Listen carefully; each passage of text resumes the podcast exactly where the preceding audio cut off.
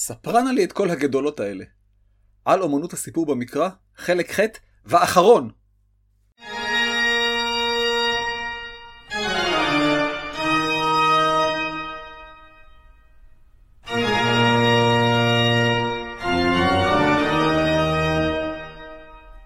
דברי הימים, הסכת על התנ"ך והמזרח הקדום.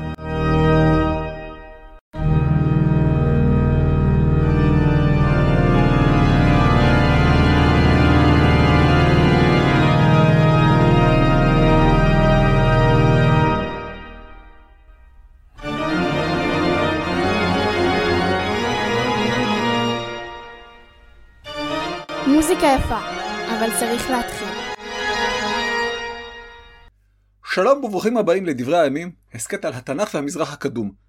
א' בתמוז, שנת 2693, לתבוסה שהנחיל לסרחדון מלך אשור, לתרהקה מלך מצרים. שם הפרק, ספרנה לי את כל הגדולות האלה. על אומנות הסיפור במקרא, חלק ח' ואחרון. סוף סוף אם יורשה לי. אני דוקטור אילן אבקסיס.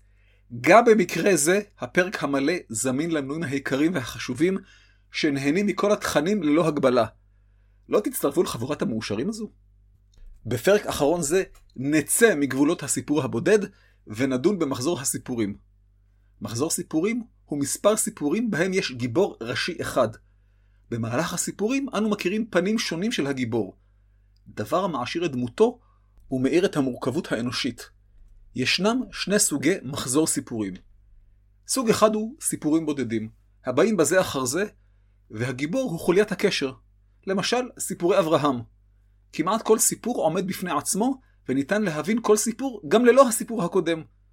כך למשל, סיפור לקיחת שרה לאבימלך יכול לבוא לפני או אחרי עקדת יצחק, ומחזור הסיפורים לא ייפגע. סיפור מלחמת אברהם במלכים יכול לבוא לפני או אחרי ברית בין הבתרים, ורצף הסיפורים לא ינזק. הערה ברור שהסיפורים הבודדים הונחו במקומם בכוונת מכוון.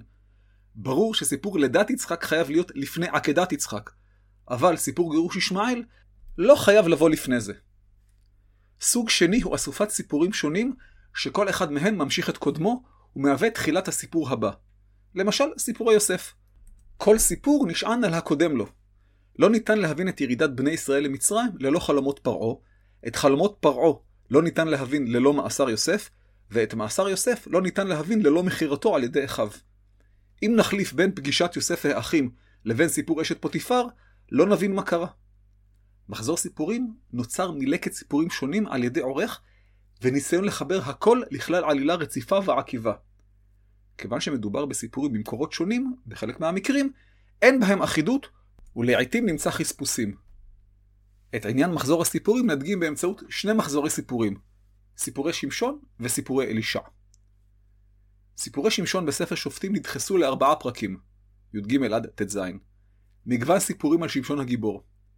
סיפורי שמשון משתלשלים זה מזה, וכל סיפור קשור לקודמו. סיפורי שמשון כוללים את לידת שמשון והאירועים הכרוכים בכך, פרק י"ג, נישואי שמשון והאירועים הכרוכים בכך, י"ד עד ט"ו 8, הסגרתו לפלישתים ונקמתו בהם, ט"ו 9 עד 20, הזונה מעזה, ט"ז 1 עד 3, בגידת דלילה ומות שמשון, ט"ז 4 עד 31. גם בתוך סיפור גדול, במרכאות, למשל סיפורי שמשון, יש סיפורים שונים המרכיבים אותו. זהו מבנה מהודק וסדור, למעט סיפור הזונה. הסיפור הוכנס כנציג לסיפורים הרווחים על שמשון בפולקלור העממי. סביר שסביב שמשון נרקמו סיפורי גבורה וחיבושי נשים רבים רבים, ורק שבב זעיר נכנס למחזור הסיפורים. כל סיפור בסיפורי שמשון קשור לקודמו ולממשיכו, למעט סיפור הזונה, שגם הוא מאיר את דמות שמשון. לידת שמשון הפלאית משפיעה על כוחו ועוצם ידו. זו מצידה מקרינה על התנהלותו מול הישראלים הפלישתים והנשים, כי ההתנהגות קשורה לנישואיו, שמצידם נתלכו בנקמה בפלישתים. הנקמה הובילה להסגרתו לידי הפלישתים, שהוליכה להכאת הפלישתים.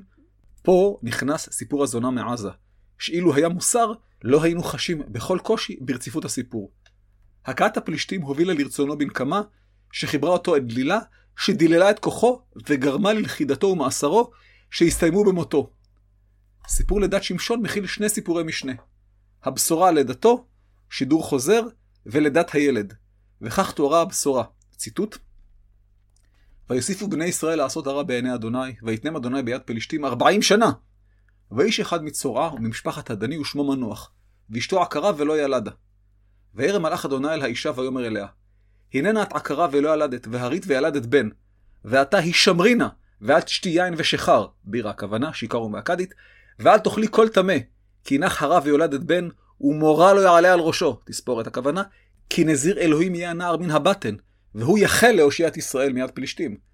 ותבוא האישה ותאמר לאישה, האיש שלה, לאמור, איש האלוהים בא אליי, ואנחנו יודעים שלפועל לבוא יש משמעות מינית ברורה, ומראהו כמראה מלאך אלוהים, נורא מאוד, ולא שילתיו אי מזהו, ואת שמו לא הגיד לי.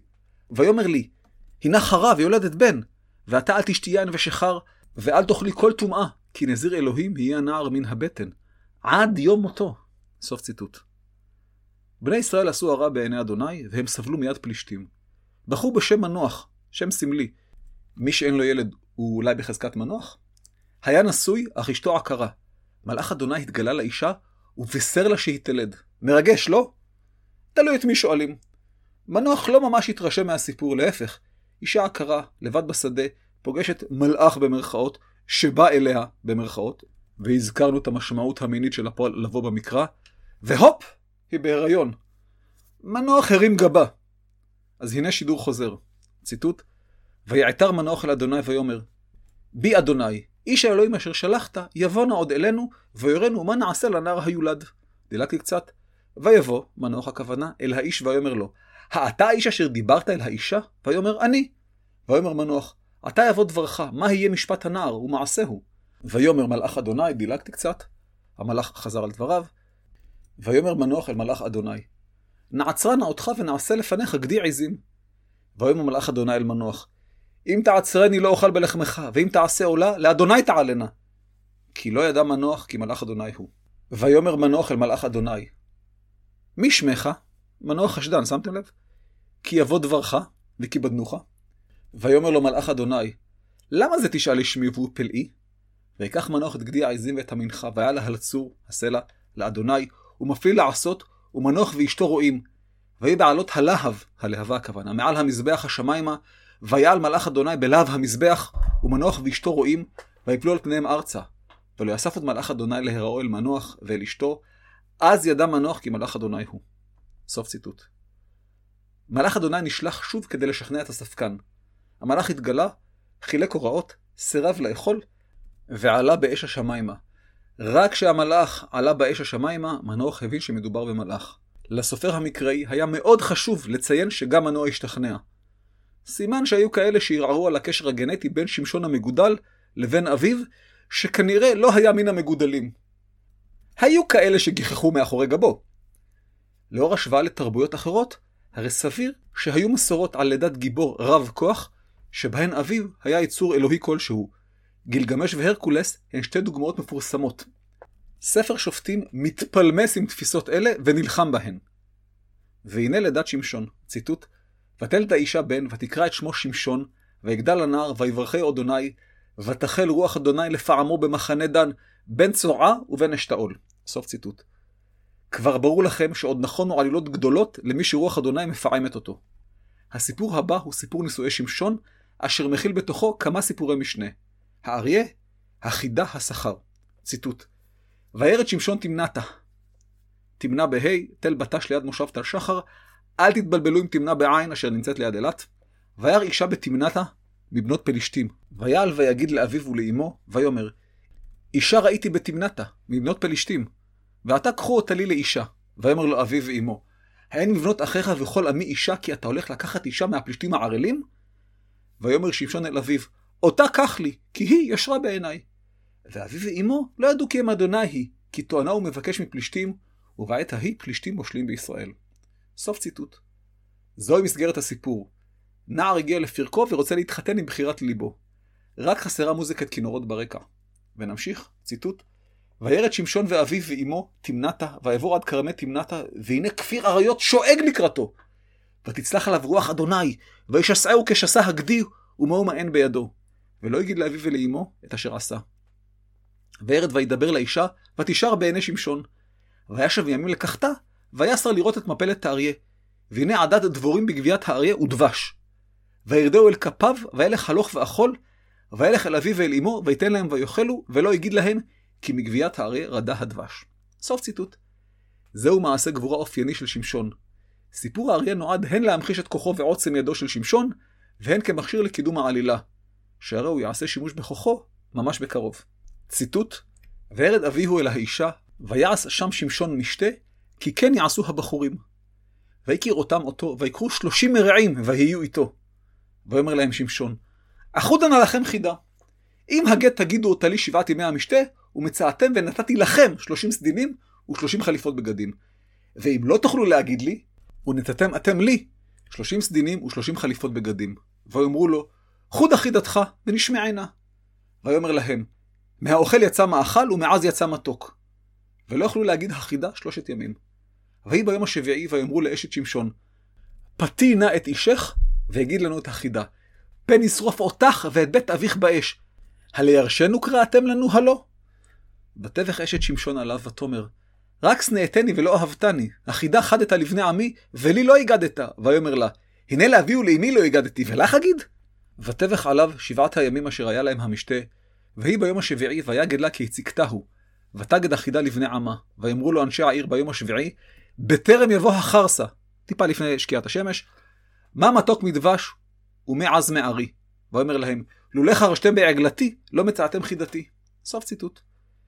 סיפור הנישואים והמשתה הוא מקפצה לעימות המתקרב עם הפלישתים. יחסים שהחלו באהבה, ייגמרו בשנאה. כטוב ליבם ביין, שמשון הציע התערבות. הוא יחוד חידה.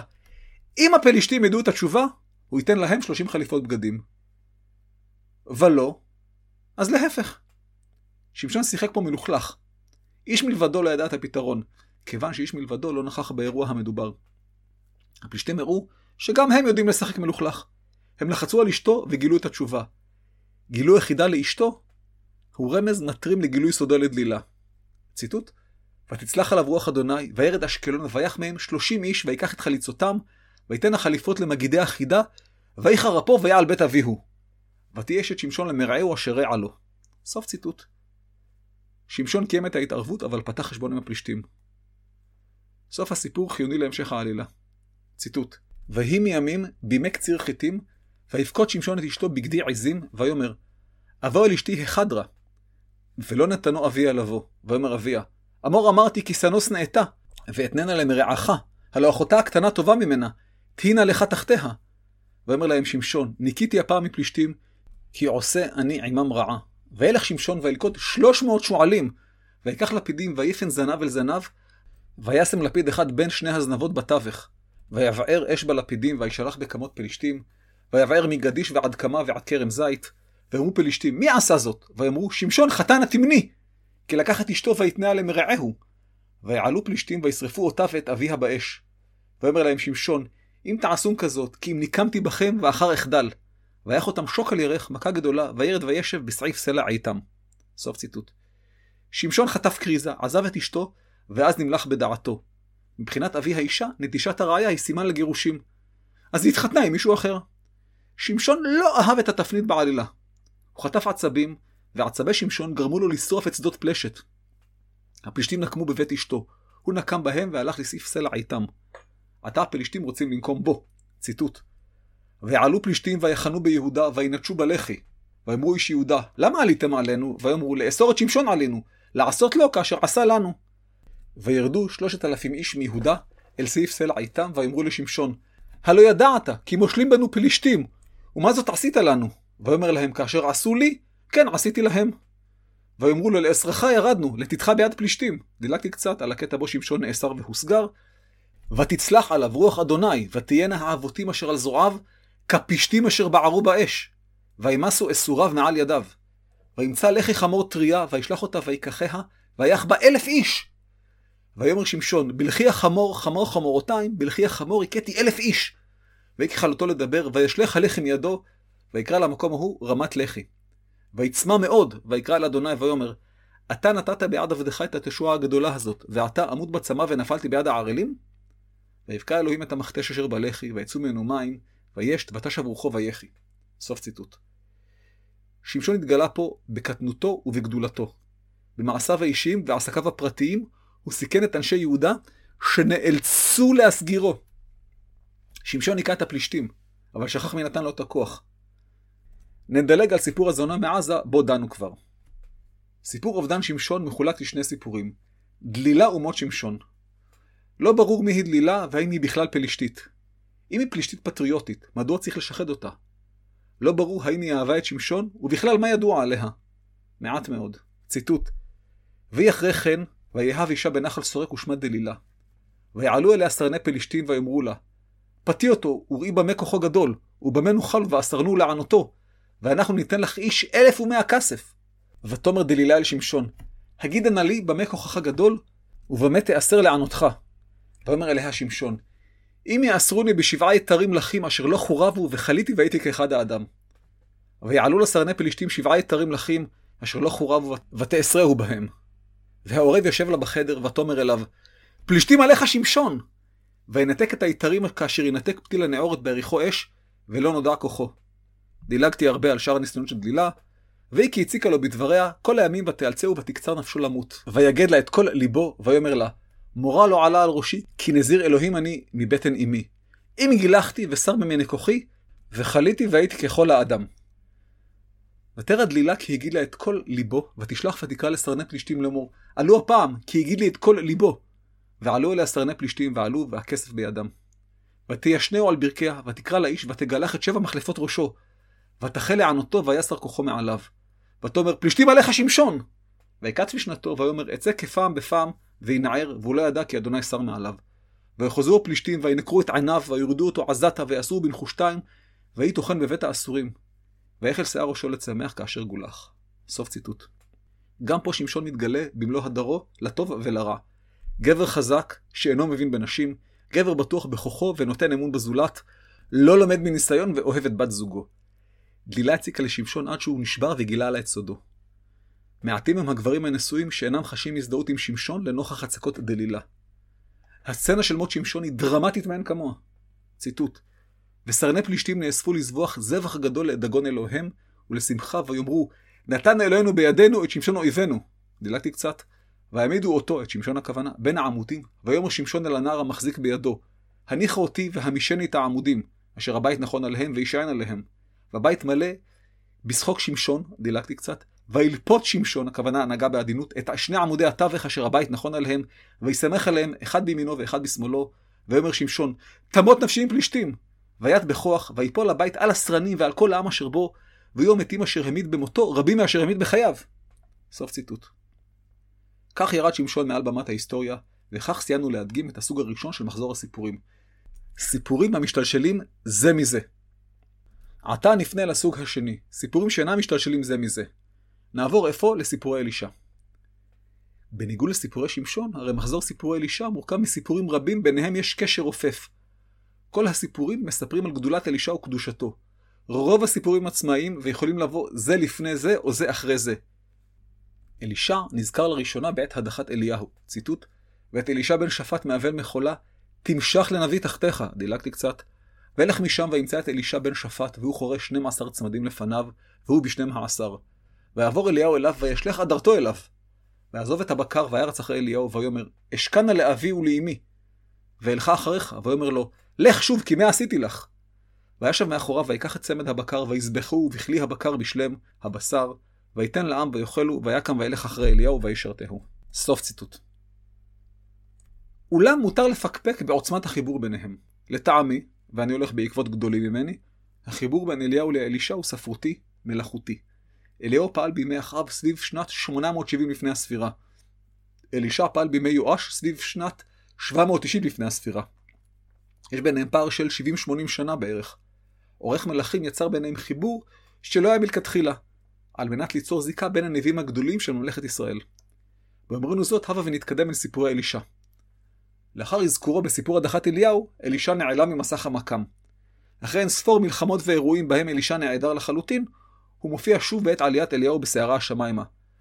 גם במקרה זה חשוב לעורך מלכים להראות המשכיות בין אליהו לבין אלישע. ציטוט: ויהי בעלות אדוני את אליהו בסערה השמיים, וילך אליהו ואלישע מן הגלגל.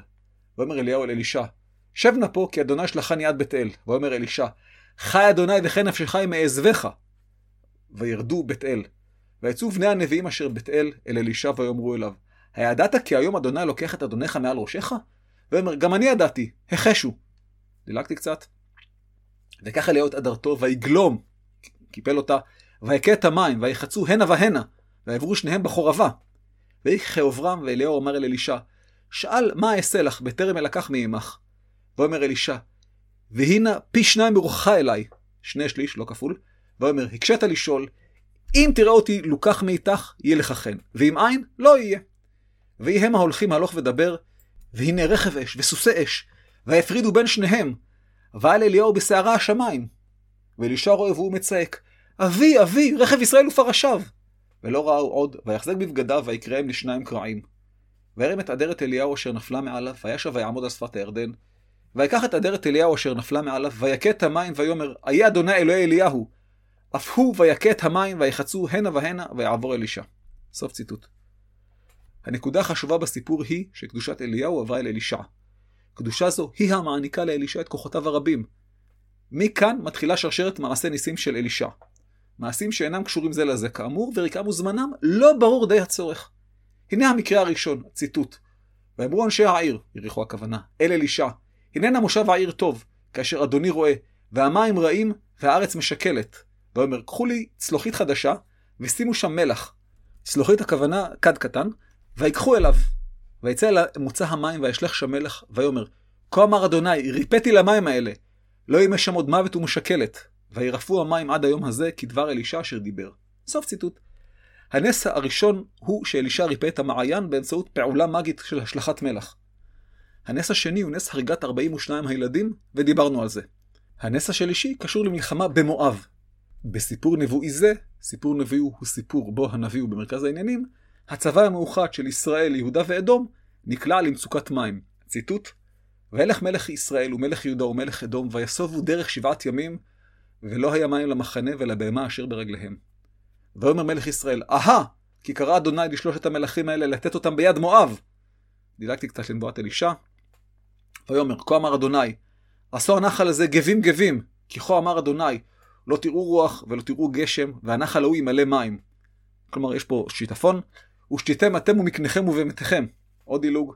ויהי בבוקר כעלות המנחה, והנה מים באים מדרך אדום, ותמלא הארץ את המים. סוף ציטוט. אלישע הושיע את הצבא ממוות בצמא. הנס הרביעי והנס החמישי הם בזיקה ברורה לאליהו הנביא. ציטוט: ואישה אחת מנשי בני הנביאים צעקה אל אלישע לאמור, עבדך אישי מת, ואתה ידעת כי עבדך היה ירא את אדוני. והנושה, בעל החוב הכוונה, בא לקחת את שני ילדיי לו לעבדים. ויאמר אליה אלישע, מה אעשה לך? הגידי לי. מה יש לך בבית? ותאמר, אין לשפחתך קול בבית, כי אם אסוך שמן, טיפה שמן, ואומר, לכי שאלי לך כלים מן החוץ, מאת כל שכנייך, כלים ריקים, אל תמעיטי. ובאת וסגרת הדלת בעדך ובעד בנייך, ויצקת על כל הכלים האלה, והמלא תסיעי. ותלך מאיתו ותסגור הדלת בעדה ובעד בניה, הם מגישים אליה והיא מוצקת. ויהי כמלות הכלים ותאמר אל בנה, הגיש אלי עוד כלי, ויאמר אליה, אין עוד כלי, ויעמוד השמן. ותבוא ותגיד לאיש האלוהים ויאמר, לכי מכרי את השמן ושלמי את נשייך, ואת ובנייך תחי בנותר. סוף ציטוט. זה שכפול של הנס של אליהו לאישה הצידונית, הנזכר במלכים א' י"ז 8-16. הערה יש חוקרי מקרא סבורים כי אליהו הוא שכפול של אלישע ולא ההפך. סוף הערה. הנס הבא הוא סופו של סיפור על האישה הגדולה משונם. גדולה, כלומר עשירה. האישה דאגה למחסורו של אלישע, והוא בתמורה ברך אותה בבן. אבל הבן מת לפתע. ציטוט: ויבוא אלישע הביתה, והנה הנער מת, משוכב על מיטתו. ויבוא ויסגור את הדלת בעד שניהם, ויתפלל אל אדוני. ויעל וישכב על הילד, וישם פיו על פיו, ועיניו על עיניו, וכפיו על כפיו, ויגר עליו, ויחם בשר הילד. וישב וילך בבית אחת, הנה ואחת הנה, ויעל ויגרר עליו. ויזורר הנער עד שבע פעמים, ויפקח הנער את עיניו. ויקרא אל גחזי ויאמר, קרא אל השונמית הזאת, ויקראיה. ותבוא אליו ויאמר, שאי בנך. ותבוא ותיפול על רגליו, ותשתחו ארצה, ותישא את בניו ותצא. סוף ציטוט. סיפור זה הוא נס משוכפל, או להפך, של הנס של אליהו לצידונית במלאכים א' י"ז 17-24. הנס הבא מזכיר את המתקת המים. הפעם, מעין המתקת אוכל. ציטוט: ואלישע שב הגלגלה והרעב בארץ, ובני הנביאים יושבים לפניו. ויאמר לנערו, שפוט הסיר הגדולה ובשל נזיד לבני הנביאים. ויצא אחד אל השדה ללקט אורות, וימצא גפן שדה, וילקט ממנו פקועות השדה, מלוא בגדו. ויבוא, ויפלח אל סיר הנזיד, כי לא ידעו. ויצקו לאנשים לאכול, ויהי כאוכלה מהנזיד, והמה צעקו, ויאמרו, מוות בסיר, איש האלוהים, ולא יכלו לאכול. ויאמר, וקחו קמח, וישלך אל הסיר, ויאמר, צק לעם ויאכלו, ולא היה דבר רע בסיר. סוף ציטוט. פתיחת הסיפור, ואלישע שף הגלגלה, נועדה לקשור אותו למה שקרה קודם לכן. אבל זו תוספת מאוחרת לסיפור שעמד ועומד בזכות עצמו. מישהו ליקט משהו לא ראוי, אלישע סידר את המתכון ויצא תבשיל אכיל ומזין. והנה עוד נס שייתן השראה לעיצוב דמות ישו. ציטוט: ואיש בא מבעל שלישה, ויבא לאיש האלוהים לחם ביכורים, עשרים לחם שעורים, וכרמל בצקלונו, ויאמר, תן לעם ויאכלו. ויאמר משרתו, מה אתן זה לפני מאה איש? ויאמר, תן לעם ויאכלו, כי כה אמר אדוני, אכול והותר. ויתן לפניהם ויאכלו ויתירו כדבר אדוני. סוף ציטוט. במקרה זה, אלישע האכיל את הרבים. ישו יחזור על התרגיל בעזרת שתי כיכרות לחם וחמישה דגים. אלישע גם ריפא מישהו מצרעת. אני מזכיר שצרעת בימי קדם שקולה לגזר דין מוות.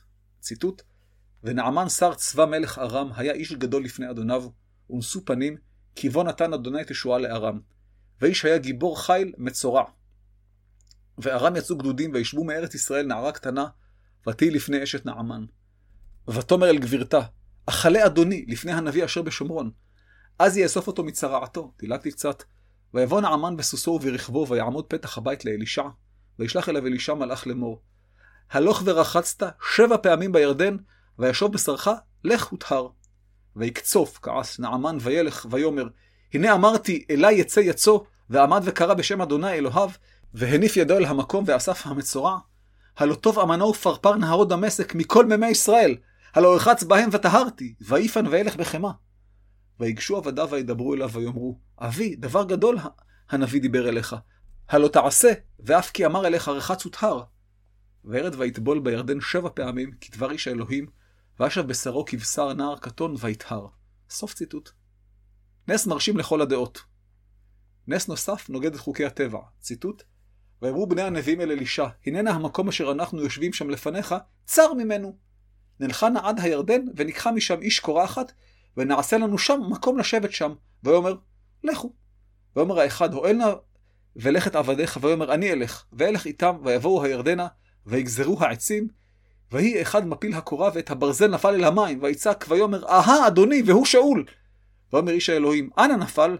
והראו את המקום, ויקצוב עץ, וישלך שמה, ויצף הברזל, ויאמר, הרם לך, וישלח ידו ויקחהו. סוף ציטוט. הגרזן שקע במים?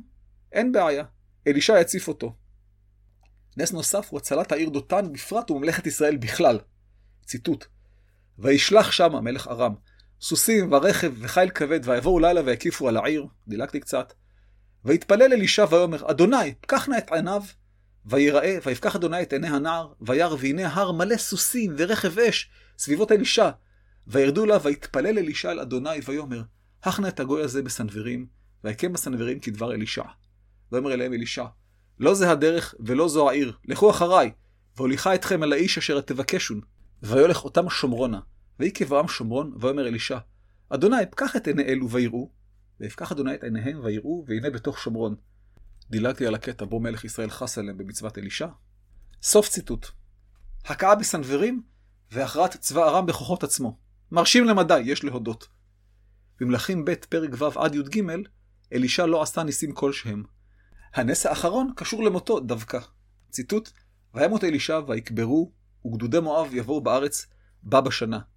ויהי הם קוברים איש, והנה ראו את הגדוד, וישליכו את האיש בקבר אלישע, וילך ויגע האיש בעצמות אלישע ויחי, והיה מעל רגליו. סוף ציטוט. הדבר המעניין, שלא תפס תאוצה ביהדות לעומת הנצרות, הוא שגם שרידי הקדוש גורמים לנס. גופת אלישע החייתה מישהו אחר. ההבדל בין סיפורי שמשון וסיפורי אלישע ברור. בשניהם מצטיירת דמות הגיבור, אך אצל שמשון סיפור תלוי בסיפור, ואילו אצל אלישע כל סיפור עומד בזכות עצמו, למעט סיפור מותו שחייב להיות אחרון. כל סיפור יכול לשנות את מקומו בספר מבלי שנחוש בהבדל. זהו עד כאן, ספרנה לי את כל הגדולות האלה. על אומנות סיפור במקרא, חלק ח' ואחרון. תודה לכם שהאזנתם, ותודה שעשיתם מנוי. תודה לחברי מועצת החכמים, אבי הרטמן, חיים ארמון, אלון גלוסקה, אלי לבנה ודודי שטיינר, שעזרו לשמשון ואלישע לשזור את מחזור הסיפורים לכלל יצירת מופת. אנא סמנו אהבתי בדף הפייסבוק וברשומות השונות, והמריצו את חבריכם לנהוג כמוכם. הגידו בגת, ובשרו בחוצות אשקלון, שתשמחנה בנות אור יהודה, שתעלוזנה בנות אבן יהודה. הדול הוא אילן כרוכית אילן abc.co.il. גם טופס צור קשר ממתין לכם, גם רשימת התפוצה לדיבורים השווים שלי. כדאי להצטרף, וגם ערוץ היוטיוב מחכה, כי הוא שם. ועכשיו חדש, יש ערוץ יוטיוב נוסף לטיולים. הערוץ נקרא בפשטות אילן אבקסיס באנגלית. I-L-A-N, A-B-E-C-A-S-S-I-S. פעמיים S באמצע, כן? אם אתם אוהבים את ההסכת וגם רוצים לתמוך בו, הרי מלבד המלצה מפה לאוזן שהיא הדבר הטוב ביותר, על התוכן והערך המוסף שאני מציע, הרי עשיית מנוי היא התמיכה הטובה מכל. התכנים פוצלו כאמור ועתה ניתן לרכוש מנוי רק לאחת התוכניות. דברי הימים, או איזה קטע תנ"ך עם נטע. ניתן גם לרכוש מספריי שיצאו בהדפסה מחודשת, עסקן של בר כוכבא מספרי 2 בהיסטוריה, והספר על הרציחות הפוליטיות. בנוסף, באתר השני שלי, bibletour.co.il, Bibletour במילה אחת, יש מידע על הסיורים השונים שאותם אני מציע ליחידים, קבוצות, מוסדות וכן סיורי מאזינים. אני משוכנע שתשמחו ודאי לשמוע שלמנויים העיקריים יש הנחה משמעותית בסיורים. כמה סיורים בשנה וכבר כיסיתם את עלות המנוי. עסקה שווה במיוחד. גם תוכן איכותי ובלעדי פה באתר וגם טיולים מרתקים. אני מזכיר את אחינו הצעיר, הפודקאסט של התנ"ך, של דוקטור ליאור הרביד בשיתוף השחקן שרון אלכסנדר. הפרק הבא בדברי הימים יעלה באלף באב, שם הפרק אתנן זונה ומחיר כלב, על הזון במקרא. הפרק הבא בדבר היום יעלה בט"ו בתמוז, שם הפרק חוזה לך ברח, על העימות בבית אל. להתראות.